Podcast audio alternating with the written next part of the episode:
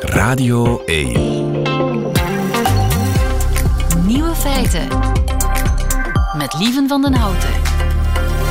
Dag en welkom bij de podcast van Nieuwe Feiten, geïnspireerd op de uitzending van 30 maart 2023. In het nieuws vandaag dat de Britten meer vertrouwen hebben in Europa dan in zichzelf, blijkt uit een nieuwe internationale enquête uitgevoerd door het King's College in Londen. Inwoners van 24 landen kregen vragen over hun vertrouwen in verschillende politieke instellingen, zoals het parlement. En dan blijkt dat amper 22% van de Britten hun eigen parlement vertrouwt. Nog geen kwart dus. Pijnlijk. Een andere vraag was: heb je vertrouwen in de Europese Unie? 39% van de Britten zegt daarop ja. Bijna dubbel zoveel. Met zo weinig vertrouwen in hun eigen parlement bengelen de Britten helemaal onderaan de lijst. Exequo met de Grieken. En wie zou er bovenaan staan? Wel, de Chinezen. 93% vertrouwt het parlement. Moet je ook niet willen, blijkbaar. De andere nieuwe feiten vandaag. Wikipedia heeft nu ook een geluidslogo. Hoe klinkt dat en waarom? Hippe vogels eten tegenwoordig vis uit blik. Enrica Ponet beantwoordt de vraag van een luisteraar, René, die graag haar latrelatie wil omzetten in een samenwoonrelatie, maar haar man wil niet. De nieuwe feiten van Hugo Matthijssen die hoort u in zijn middagjournaal. Veel plezier. Nieuwe feiten. Radio 1. Wikipedia heeft nu ook een uh, geluidslogo. Voilà, dit zal u de komende jaren tot vervelens toe horen, want het is het nieuwe logo van Wikipedia, het audiologo. Cedric Engels, goedemiddag. Goedemiddag, lieven. Cedric, jij maakt van die audiologo's. Klopt, al iets meer dan tien jaar lang, samen met een team, is dat waar ik mee Dat is een beroep. En mee ga slapen. Ja, het is effectief een beroep. Het ontwikkelen van geluidsidentiteiten, niet alleen voor merken as such, maar ook voor de filmwereld. Voor de filmwereld? Ja. Dus is dat dan voor een productiefirma zoals Warner Bros. Brothers, die, die hun eigen geluid... Of is dat dat is een voorbeeld, maar eigenlijk gaan we even terug naar wat aan mij destijds geïnspireerd heeft om dat als métier erop na te houden, zijn de James Bond. Dus als je kijkt Ja. naar James Bond, die heeft een leidmotief. Down, down, down, down, down, down, down, down, down, down. Ja, Exact. ja. Ehm, en dat leidmotief is eigenlijk de auditieve vertaling van het James Bond concept. Die melodie bestaat al bijna 60 jaar. En het sterke daaraan is, is dat die melodie heel consistent is, maar dat die wel aanpasbaar en alive is. Dus er zijn verschillende uitvoeringen van. En James Bond heeft niet alleen zijn eigen melodie, maar hij heeft ook, ook zijn eigen voice, zijn eigen tone of voice, shaken not stirred. En James Bond als acteur is al veel veranderd, maar die geluidsidentiteit evolueert samen. En begrijp ik het goed dat jij ook dat soort eh, leidmotieven, leidmotieven maakt voor films? Effectief, dus samen met een ploeg, omdat wij een film eigenlijk ook beschouwen als iets waar een visuele identiteit is en bij gevolg dus ook een auditieve identiteit. Zullen we nou eens naar Wikipedia luisteren? Graag. Wat vind je ervan? Eh, even wennen. Ehm, Ik vind dat bladeren in het begin wel goed. ja. Wel, is een beetje 13 in een dozijn. wat dat we nu aan het doen zijn, is we zijn het subjectief aan het beoordelen. En de kunst is natuurlijk, eerst moet je objectief vertrekken van wat is Wikipedia, wat zijn hun waarden, wat willen ze uitstralen, en dan de creatieve oplossing daarvoor. Dus als je aan mij subjectief vraagt, wat vind ik hiervan, ben ik persoonlijk geen grote fan, zoals wat je Wat is net er mis mee? Ik vind het vrij druk. Ik vind het letterlijk met het geblader. En dan het melodietje erachter vind ik vrij generisch. Ja. Maar misschien klopt het wel op het merk en op de briefing. Maar ehm, naar functionaliteit... Hadden ze jou maar gevraagd, hè? Nee, dat zeg ik niet. Ik zeg niet dat ik het beter zou doen. Maar Hoe hebben ze het gedaan? Het was, het was ook een soort crowdsourcing. ja, dat vond ik wel heel sterk qua aanpak. Zijn ze vertrokken vanuit het open source idee van Wikipedia. Eigenlijk voedt de community Wikipedia. Dus ze hebben alle kennis gedeeld rond sonic branding. Hoe creëert je een auditieve huisstijl in een lange video van ongeveer 30 minuten. En dan hebben ze een oproep gedaan. Iedereen in de wereld kon eigenlijk een inzending doen. Dus die manier van werken vond ik wel heel sterk. Ja. Maar ja, dan krijg je een generisch resultaat natuurlijk. Hè? Dat is niet te verbazen. Als je aan het volk vraagt, hoe moet het klinken? Ja, ik weet natuurlijk niet wat het proces was. veel betekenende glimlach krijg ik nu. Dat zien de mensen natuurlijk niet op de radio. Dat- daarom zeg ik het. Nee, ehm, maar de truc is natuurlijk ook ehm, consistentie en herhaling. Eh, denk bijvoorbeeld aan ehm, Intel. Die hebben in 1994 een soundlogo gelanceerd. Ze gebruiken nog altijd dezelfde melodie. Denk aan McDonald's. Parapapapa. Als je dat consistent inzet en je kunt de sounds ook nog tweaken en je laat dat mee evolueren met een merk, dan kun je wel iets gaan creëren. I'm loving it. Exact. Dat is, dat is McDonald's. Ja, dat is de basisuitvoering met Justin Timberlake eh, achter de micro en Pharrell Williams achter de knoppen. Maar daar zijn nu veel meer andere versies en afgeleidingen en andere uitingen van die beter passen bij het merk vandaag. Ja, maar waar heeft Wikipedia een audiologo voor nodig? Dat hadden ze tot nu toe niet nodig en nu plots wel. Ja, ik denk, eh, mijn persoonlijke toetssteen is stilte. Dus als het niet beter is dan stilte, you better shut up. Maar natuurlijk zitten we in een evolutie. We hebben allemaal speakers in our pockets, hè, met ons gsm bijvoorbeeld, of met onze smartphone of tablet. En er is ook een evolutie qua geluid. Dus veel meer merken zien het belang ervan in. En Geluid snappen- is hip geworden. Ja, of mensen hebben door dat geluid... Even de radio. Ja, geluid heeft een impact. eh, en ik denk Wikipedia communiceert meer en meer via video, maar ze willen ook natuurlijk vanuit voice assistance aantonen dat er een soort filter is van ah, als je het geluidje hoort van Wikipedia, weet dat het dan eigenlijk eh, door de kwaliteitsfilter van Wikipedia is gegaan. Juist. De komende Dus we, gaan meer en meer praten tegen computers en die computers gaan meer en meer terugpraten. Dus het zou kunnen dat je aan, aan hoe heet ze allemaal, Alexia of Ja. Siri of hoe heet, hoe heet ze allemaal, vraagt van zeg eens, eh, wie is Kurt van Egem ook alweer? En dan dung, dung, dung. Exact. Wikipedia zegt Kurt van Egem is geboren enzovoort. Maar dat is mijn vraag. Is het huidige soundlogo dat ze gemaakt hebben en gelanceerd hebben, dan niet te lang? Dus Ja, als mensen dat iedere keer volledig moeten horen, dan gaat het misschien noise worden en irritant worden. En Ja. Dat is het bekendste, hè?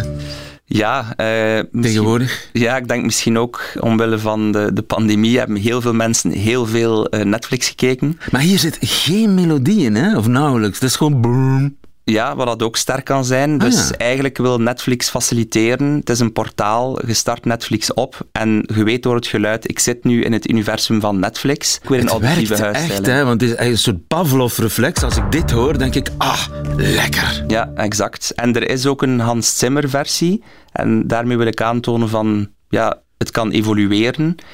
De melodie die er eigenlijk niet is, het is gewoon een sound, heeft eigenlijk een herwerking, omdat Netflix ook naar ja, de big theater wil gaan, naar cinema. En daarom deze versie.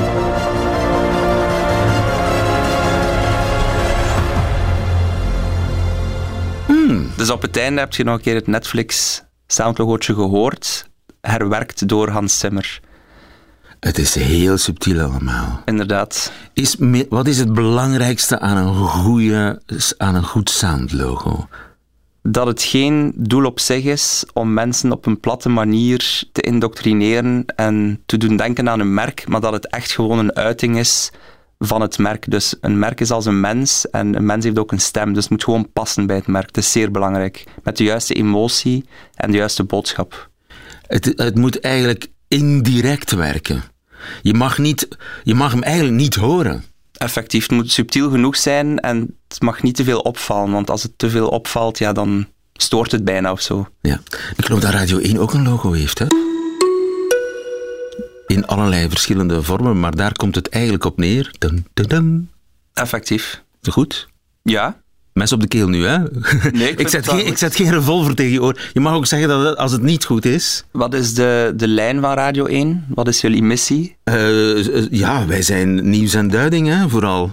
Is er niet zoiets als altijd benieuwd of zo? Eh, dat was vroeger. Ja. Alles begint bij luisteren, is de, is de missie, inderdaad. Ja. Maar het wekt wel een bepaalde curiositeit op. Dus hij is oké, hij is goedgekeurd door Ja, ik Cedric. vind het goed. Oké, heb jij een, een soort van top 5 aller tijden van geluidslogo's? Eh, misschien vind ik wel nog altijd het soundlogo van, van Mac, van Apple, op één staan. Omdat destijds Jim Reeks werkte bij Apple en hij zei tegen Steve Jobs van kijk, ik geloof in de kracht van geluid. En ik vind eigenlijk dat ons merk een auditief logo nodig heeft. Jim Reeks was eigenlijk een heel grote Beatles-fan en daarom heeft hij het laatste akkoord van het nummer Day in the Life eigenlijk nagemaakt. En dat heeft hij So Sumi gedoopt, uh, eigenlijk als woordspeling, omdat hij wist, ik ben hier eigenlijk ja, iets aan het plagiëren van de Beatles. En heeft dat geluid geïmplementeerd in de nieuwe lading Macintosh computers en zo geschieden. Dus het befaamde start-up geluid als je Macintosh computer opstart. En um, ja, dat geeft je eigenlijk ook een, een gevoel van uh, relief of zo, van oké, de computer werkt en we beginnen weer aan een leuke, spannende dag. Dus dat vind ik er wel sterk aan, dat er ook emotie in zit. Het is ook een soort Pavlov-effect, wat je ja, net al zei. ademt Apple. Ja, effectief. Dus dat staat op vijf bij jou?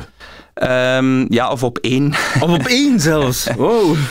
Ja, omdat ik het zo sterk vind dat Jim Reeks gewoon vanuit die overtuiging ervoor gegaan is. En Steve Jobs wou eigenlijk vooral bezig zijn met zijn visueel design en zijn operating system. Maar Jim Reeks zei nee, kom, we hebben een soundlogo nodig. En voilà. Hij heeft ook het geluid ontwikkeld van een screenshot. Heeft zijn Canon-camera gesampled. Als je een screenshot neemt, heb je een geluid. Als je een e-mail verstuurt, heb je zo'n zo'n whoosh. Ja, ja. Van oei, mijn bijlage zit er niet bij. Ja, ja. Dus hij had echt wel een geluidsstrategie voor ogen. Vind ik wel sterk. Ja, vooruitstrevend hè, op dat moment. Inderdaad. Dus dat staat op één, wat staat op twee? Netflix. Oké, okay, die, dus die hebben we al gehoord. Die hebben we al gehoord. Ik wil hem nog eens horen. En dan... Um, ja, ik wil ook niet aan zelfstoef doen. dus nu, ja, nu Je mag gerust aan, aan zelfstoef doen. Zelfstoef is toegelaten. Um, ja, het is natuurlijk ook een team effort, maar wat we voor Coolblue en voor Pro League hebben gedaan, uh, ben ik persoonlijk wel fan van. Oké, okay, dat mag, dat mag. Um,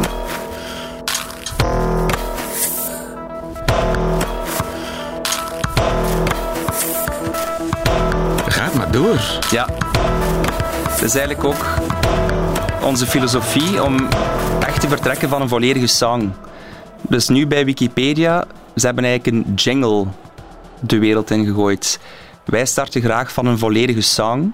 We vertalen een merk of een identiteit in een werk van ongeveer een minuut en een half. En dit is eigenlijk het muzikaal universum waaruit we dan afgeleiden kunnen uitpuren. Bijvoorbeeld een soundlogo is daar één afgeleide van. Oké. En dit hebben we ontwikkeld samen met uh, de broertjes De Walen, met de Soulwax. En het idee was eigenlijk om um, ja, in te spelen op het idee dat dit anthem wordt gebruikt net voor het eerste fluitsignaal, als alle spelers, alle 22 mensen op één rij staan. En op dat moment um, haten supporters eigenlijk elkaar. Brugge Anderlecht. Dus wat hadden we als idee om eigenlijk alle chants, alle liederen van alle eerste klasse clubs te samplen.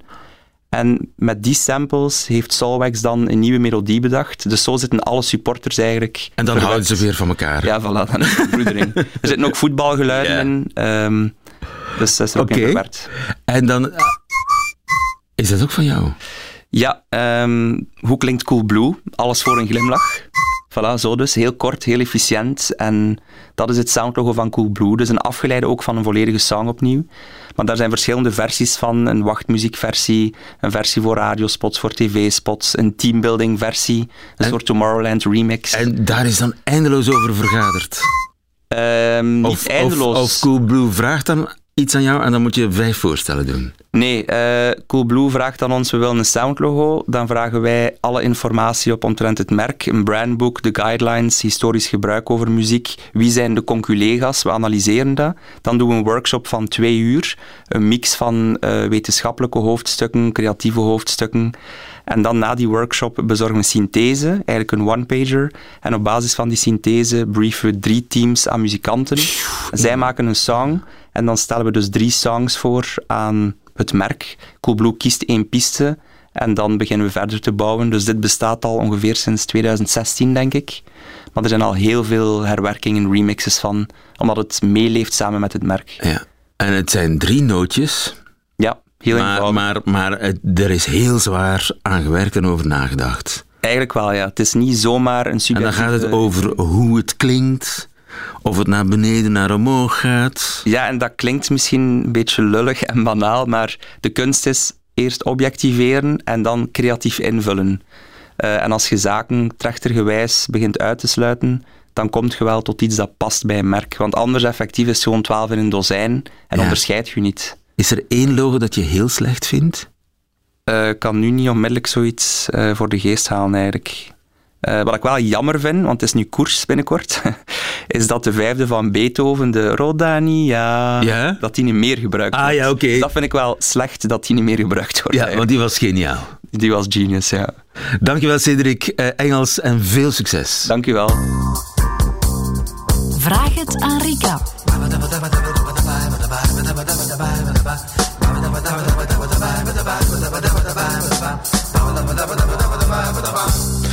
Boom, en zo is de week weer voorbij. Dag Rika Ponet. Hallo. Zoals elke donderdag weer stralend aanwezig in de studio van Nieuwe Feiten. Om vragen en knopen uh, te behandelen door u aan uh, haar gestuurd via ons, via Radio 1, het uh, Nieuwe, Feit, Nieuwe Feiten uit Radio1.be. En ik wou jou vandaag de kwestie René voorleggen. Oké, okay, ik luister. René, met een uh, de, de René Het is een ja. vrouw.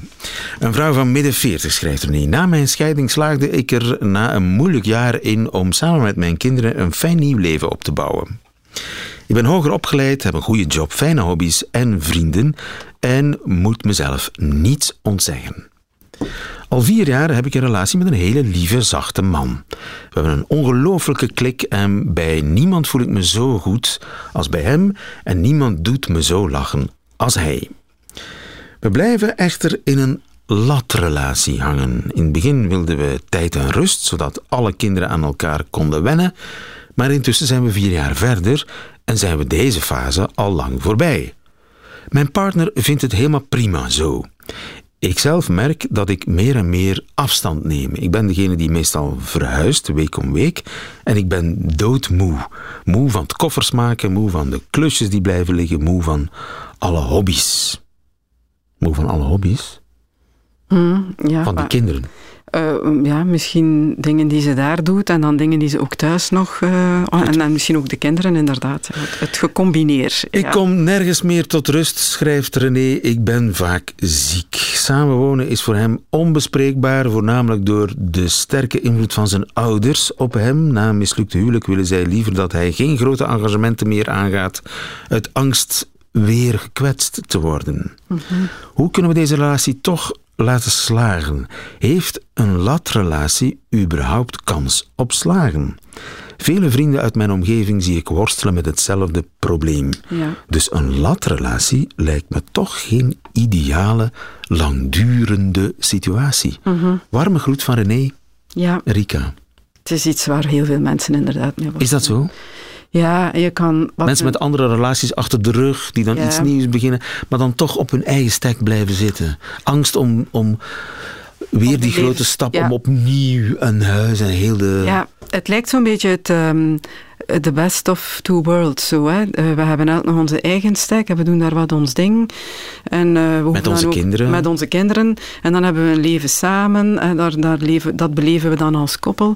Ehm, maar ehm, ja, het is zoals het aangeeft, de praktische kant van de zaak, als de verliefdheid voorbij is. Want dat is het dan meestal. In het begin ja, ben je, eh, sta je heftig en wil je heel graag naar die andere gaan. Je hebt die dan die week niet gezien omdat de kinderen bij jou waren. En dan ja, is er ook die seksuele eh, drijfveer, waardoor je heel snel in je auto zit op het moment dat de kinderen weg zijn en je eh, op het adres van de andere staat.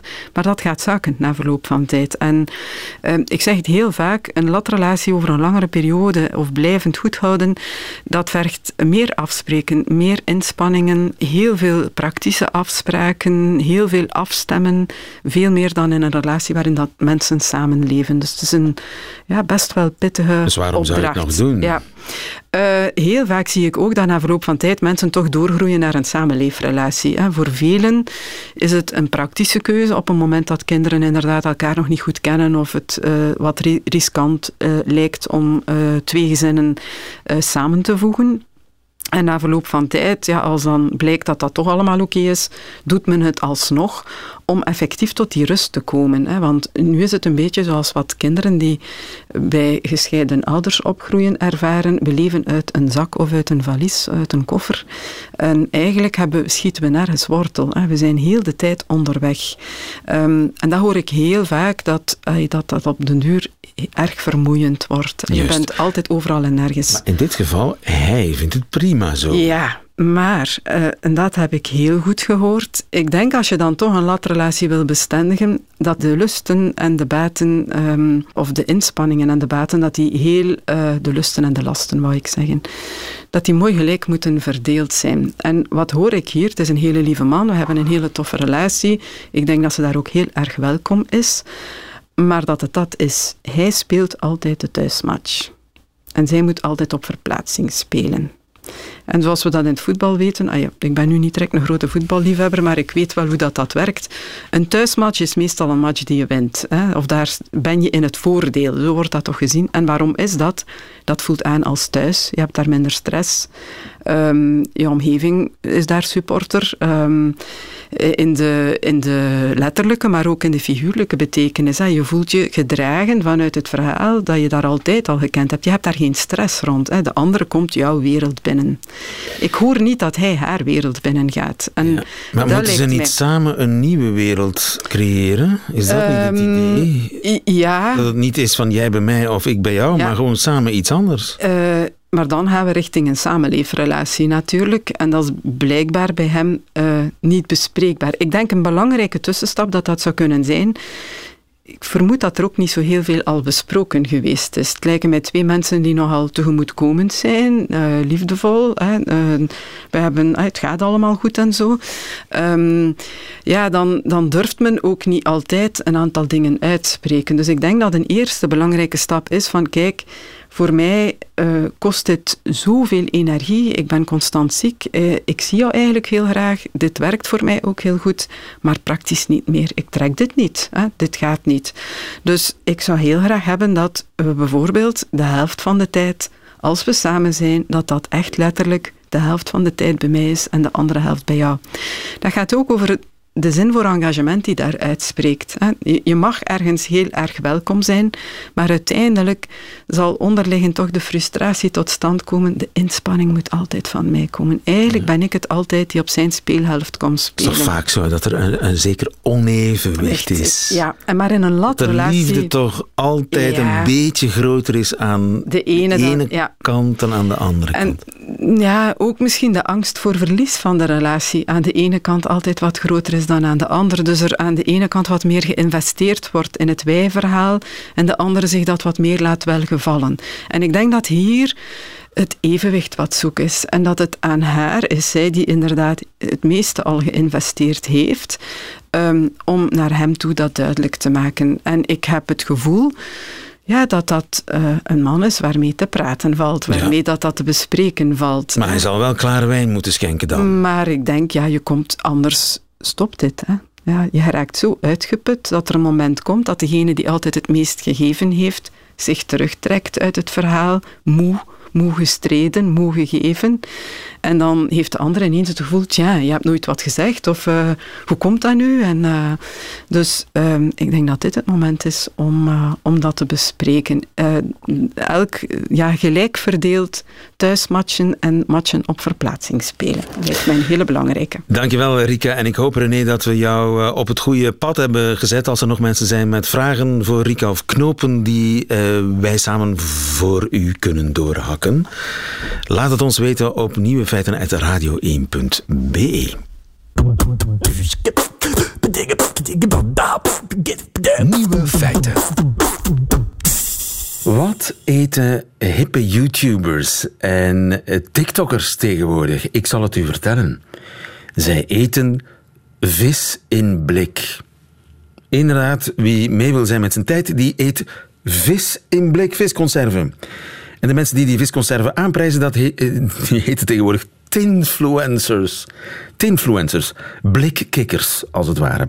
Ali Hook bijvoorbeeld, een bekende YouTuber, die maakt een filmpje als hij met zijn lief twee blikjes vis openmaakt. Mackerel, tuna belly, and the fancy, fancy. Yeah, the premium, premium. Esplanade mussel. So this is the one that Anthony Bourdain tried when he was in Spain, uh, when he was in Barcelona. This is the exact tin. Ja, alsof ze een diamant aan het taxeren zijn. Ze doen een blikje makreel open en een blikje tonijn. Ellie Hoek en zijn lief. Pieter Jelle, de Bru, goedemiddag. Goedemiddag, lieve. Pieter Jelle, je hebt een webshop voor hippe foodies, klopt dat?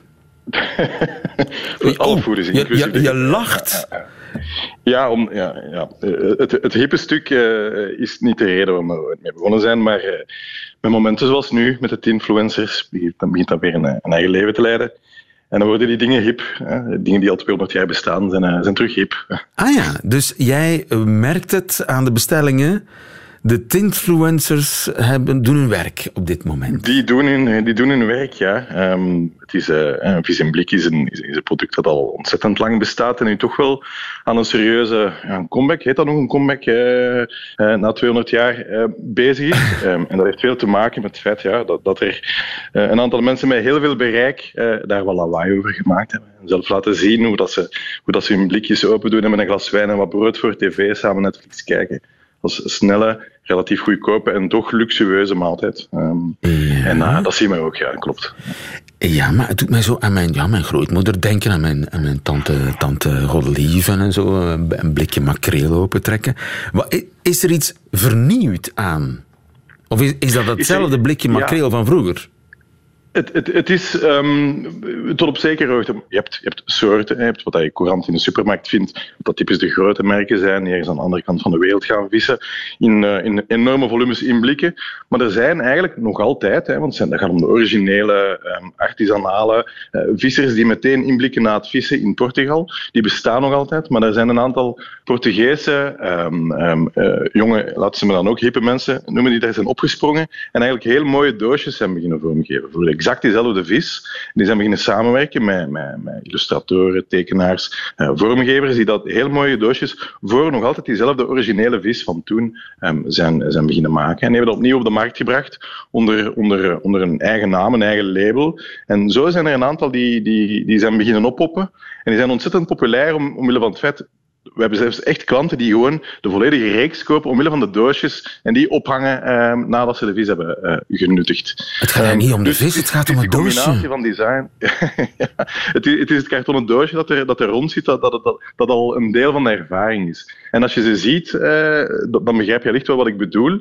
Um, dat zijn echt kleine kunstwerkjes op zichzelf. En wat erin zit, is ook, is ook een heel authentiek en een eerlijk product. Vaak heel betaalbaar. Het is, zoals ik zei, een beetje betaalbare luxe. Um, en dan maakt het denk ik heel aantrekkelijk. Het is ook je pakt het uit de kast, het houdt jaren, je doet het open en je bent meteen aan het eten. het is ineens zit je in, in, Portugal of waar het ook vandaan komt. Het is, het is, ja, het is een goedkope manier om te reizen via het eten. Ja. Um, en ik denk dat dat wel aanspreekt. Ja, ja, maar dus niet om het even welk blik uit de supermarkt uh, hoort bij de hype. Nee, het gaat om eigenlijk uh, lokale, vaak Portugese uh, producten die, die lokaal gevangen worden, lokaal ingeblik. Want ja. Dus de vis is, laten we zeggen, duurzaam. Het komt niet van de andere kant van de wereld. Dat snap ik. Hè, want de millennials, de havermelkdrinkers, de deugneuzen, die willen natuurlijk niks van aan de andere kant van de wereld. Ik begrijp dat en ik juich dat toe.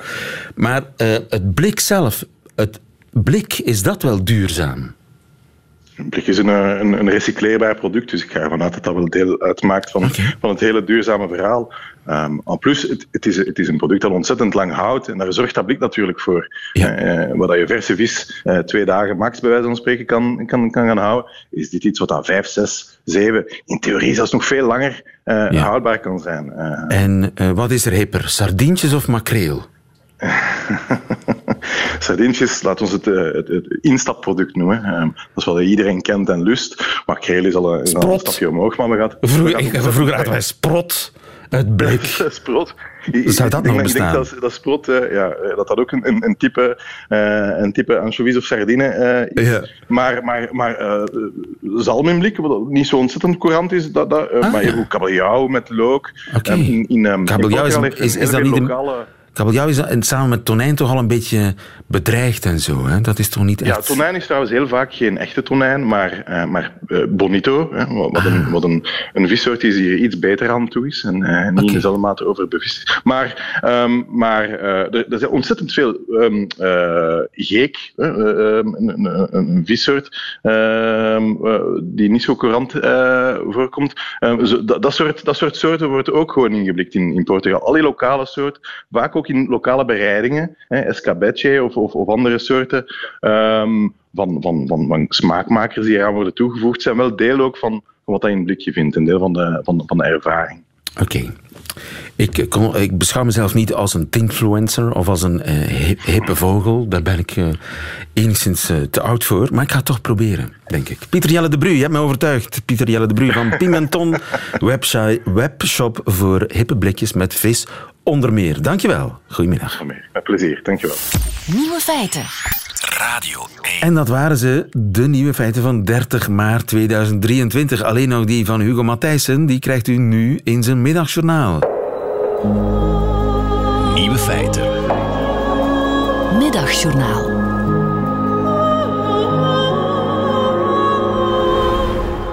Wiltura stopt met optreden. Jammer, maar een begrijpelijke beslissing en hij stopt gelukkig niet met componeren. Het oeuvre van Wiltura is raadselachtig. Neem dat nummer waarin de zanger zich bezighoudt met het zijn. Ja, wat betekent het kan niet zijn eigenlijk? Bedoelt hij daarmee dat het, wat dat ook is, onmogelijk wel kan zijn? Neem nu een zin als het regent. Duidelijke zin, zou je denken, maar wat regent? Het alvast niet, want het kan niet zijn, zoals Tura ons leert. Dus als je zegt dat het regent, zeg je eigenlijk dat het niet regent. Want iets wat niet is, kan moeilijk iets doen, bijvoorbeeld regenen. Zo heeft Wiltura onze dagelijkse zekerheden ontregeld, om niet te zeggen ondermijnd. Ik zal niet zo ver gaan te beweren dat je pas zeker bent dat het regent als het niet regent, maar de enigmatische woorden van Wiltura gaan wel in die richting. Goed voor Frank de Bozere dat hij met pensioen is, dan hoeft hij daar alvast zijn hoofd niet meer over te breken.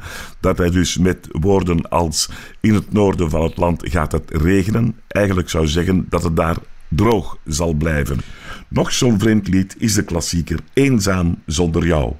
Volgens mij gaat dat over een toxische relatie. Het zinnetje niets kan mij binden aan mijn vrienden doet namelijk alarmbellen afgaan, maar ik laat het graag aan Rika Ponet-achtigen over om daar iets deskundigs over te zeggen.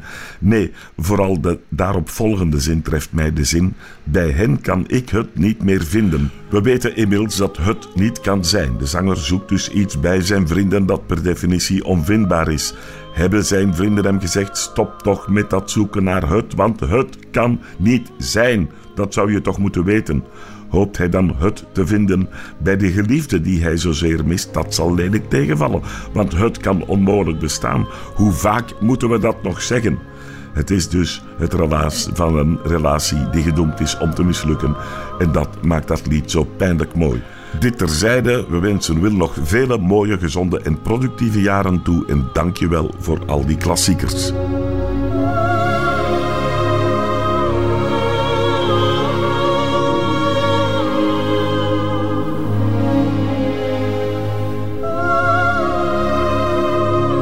Het middagjournaal met Hugo Matthijssen, diepe buiging voor Wiltura. Einde van deze podcast hoort u liever de volledige uitzending van Nieuwe Feiten. Dat wil zeggen, met de muziek erbij, dat kan natuurlijk elke werkdag live op Radio 1 tussen 12 en 1 of ook via onze website en onze app, maar dan on demand. Tot een volgende keer.